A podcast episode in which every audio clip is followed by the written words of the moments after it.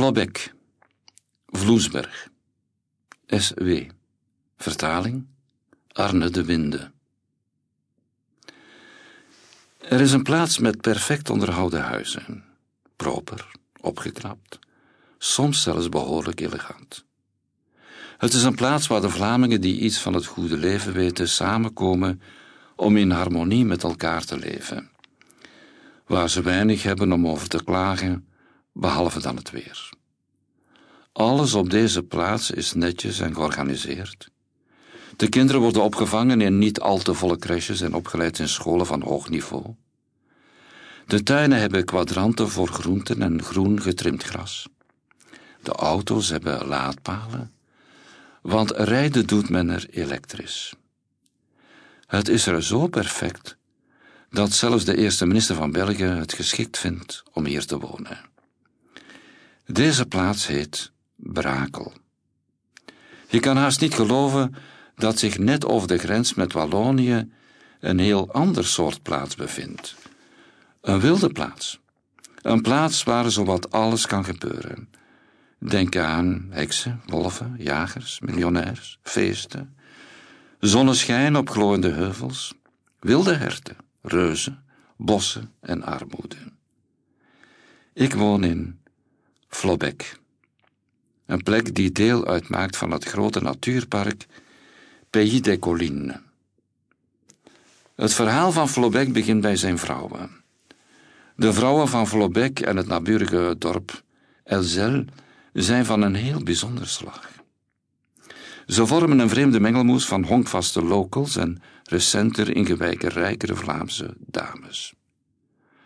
Hoewel ze op het eerste gezicht heel erg verschillend lijken qua financiële en culturele status, zijn ze verwante geesten door hun onbetwistbare verbondenheid met de natuur, hun gevoeligheid voor het tijdloze, etherische en hun flamboyante persoonlijkheid. Ja, je zou hen heksen kunnen noemen. Flobek heeft een lange geschiedenis van hekserij en ook ambachtelijkheid. Het staat bekend om zijn overvloed aan geneeskrachtige kruiden. Elk jaar houdt Elzel een herdenkingsfeest van Quentin de la Glycerie, een heks, die in 1610 samen met haar heksenkring op de brandstapel werd gezet. De ceremonie omvat een dans met de duivel. Beloningen zijn er in het vorm van toverdrankjes. En bijzonder ondeugende heksen, die het aandurven te paren met de duivel, kunnen zich tot koningin van de Sabbat kronen. Quentin is hier zo beroemd omdat ze haar eigen bier heeft. In zijn logo prijkt een sexy jonge heks, rondvliegend op een bezemsteel. Haar voorgangster vind je nog op bierglazen in wat oudere cafés. Zij is het wat molliger en minder aantrekkelijk volgens conventionele standaarden. Zelfs in het domein van de hekserij weet men dus seks zelfs. Ook lang na Halloween nog bengelen verweerde plastic heksen aan voordeuren. Hoewel de vermeende magische bende in de 17e eeuw werd bedwongen, duiken hier nog te pas en te onpas heksen op. Elke vrouw die ik op mijn wandelingen tegenkom, of ze nu Vlaams of Waals is, brouwt een mysterieus potje, verzamelt een of ander kruid of plant, fluistert tegen paarden, maakt haar eigen confituur of vertrouwt mij een recept voor een huidsalfje toe dat me eeuwig jong moet houden en mij bevrijden van mijn acne. Werken doet het trouwens niet. Het zijn stuk voor stuk appelen plukkende, bessen trekkende, walnoten verzamelende vrouwen in schorten, vilte jassen en rokken. Zonder make-up en met wilde haren. Sommigen zonderen zich af, zelfs in pre-covid-tijden, en kennen niemand in de buurt.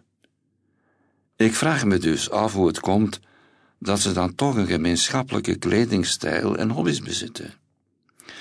Mogelijk zit het in het water, want alle drinken ze van een natuurlijke bron in het bos. Ze trekken erheen met emmers en met witte plastic bidons. Ooit zag ik hoe een dame met dreadlocks er een jerrycan vulde. Kan je je dat voorstellen in Brakel? Of misschien kennen ze elkaar wel van hun geheime nachtelijke seances en willen ze mij dat niet vertellen, omdat ik nog niet één ben met de natuur. Komt dat nog? Maar ik denk het eigenlijk wel. Ofwel verhuis je naar dit gebied om je dichter bij andere heksen en heksachtige activiteiten te zijn. Ofwel word je gewoon een heks als je hier lang genoeg woont. Ik wacht af. Maar ik drink voorlopig nog niet uit de waterbron. Nu, dat wil niet zeggen dat ook de mannen niet uitzonderlijk zouden zijn. In onze buurt woont een zelfverklaarde tovenaar, die af en toe bij ons komt aankloppen voor een laatavondpintje, en dan allerhande min of meer nuttige weetjes met ons deelt, zoals het feit dat hij COVID-19 kan afweren met kruiden en biologische groenten. Het gevoel onthecht te zijn van de buitenwereld is altijd aanwezig. Zo zwerven ook jagers hier nog steeds met jachtgeweren over de velden, gekleed als kwamen ze rechtstreeks uit de Hound of the Baskervilles. Ik zie kinderen onder een brug spelen met wat ik alleen maar kan hopen dat een, een luchtdrukpistool is. Maar de littekens in het bos doen iets anders vermoeden. Mijn buurvrouw zit in haar huis aan het einde van de weg. De televisie staat altijd aan. Dag en nacht de woonkamer verlichtend. Enkel om boodschappen te doen komt ze naar buiten. Het gebrek aan banen en kansen leidde in 2021 tot plannen voor een toeristisch wolvenpark in een geliefd bos, een Natura 2000 gebied aan de grens met Brakel. De plaatselijke miljonair, Tony Ford, die in een massief fortachtig bouwwerk woont, wilde vakantiehutten bouwen in een reservaat voor gekooide wolven, zodat mensen er een echte Sleeping with the Wolves ervaring konden opdoen. De anti-wolfpark-activisten, die overwegend Vlaams zijn en uit Brakel komen, stellen dat het implanten van paradise-achtige infrastructuur met beschermd natuurgebied zal vernietigen en uiteindelijk ook de gemeenschap ernstig zal verstoren. De voorstanders voor de plannen zijn vaak buurtbewoners, die de regio nieuw leven willen inblazen, meer toeristen willen ontvangen en handel willen aantrekken. De tot de verbeelding sprekende hoofdpersonages van deze historie zijn de twee Filippen. De ene, Philip Mettes, is de lokale burgemeester. De andere, Philip de Pot, is een milieuactivist. Ze vechten het uit via een race van protestacties, bezwaarschriften, petities en tv-optredens. Hun vete gaat overigens terug tot 2002. Ze zijn dus al langer aan elkaar gelieerd dan de meest geliefde. De bot houdt ervan om af en toe met een woedende fakkel dragende menigte langs het fort van Tony Fort te passeren, om de herinnering aan zijn aanwezigheid branden te houden. Het hele verhaal is vreemder dan fictie.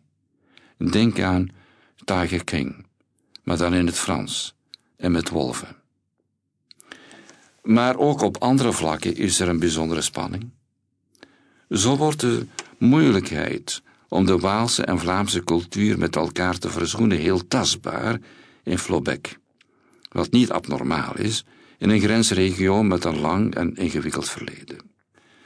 Vlaamse bars en doppen blijven gewoonweg Vlaamse bars, volgens een soort onuitgesproken segregatie. Onze lokale kroeg heet Caplet en wordt gerund door een piraat van een vent, berucht om zijn voormalige nachtclub in Gent, de Décadence. In pre-covid-tijden stond de Caplet garant voor luide muziek, dansen tot in de ochtendturen en huilen naar de maan, maar dan wel sluitend met Vlaamse gasten. Maar er zijn zeker ook plekken waar iedereen komt, zo bijvoorbeeld de bakkerij Dumont. Je kan je geen heerlijker brood of patisserie voorstellen, of bij de kapper of het schoonheidssalon. Welke taal je ook spreekt, eten moet je sowieso toch? Hoewel ik mijn best doe om te integreren, blijf ik een vreemdeling voor de mensen hier, of ze nu Waals of Vlaams zijn. Ik ben een buitenstaander die naar binnen kijkt.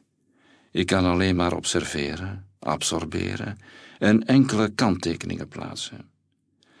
Mijn kinderen zullen hier opgroeien en wat ik, stedeling, als een omgeving vol bizar magisch realisme zie, zal voor hen misschien steek houden. Business as usual worden. Of misschien zullen ze wel in de band raken van Brakel en zijn elektrische wagens, zijn orde, zijn veiligheid, zijn kwadranten.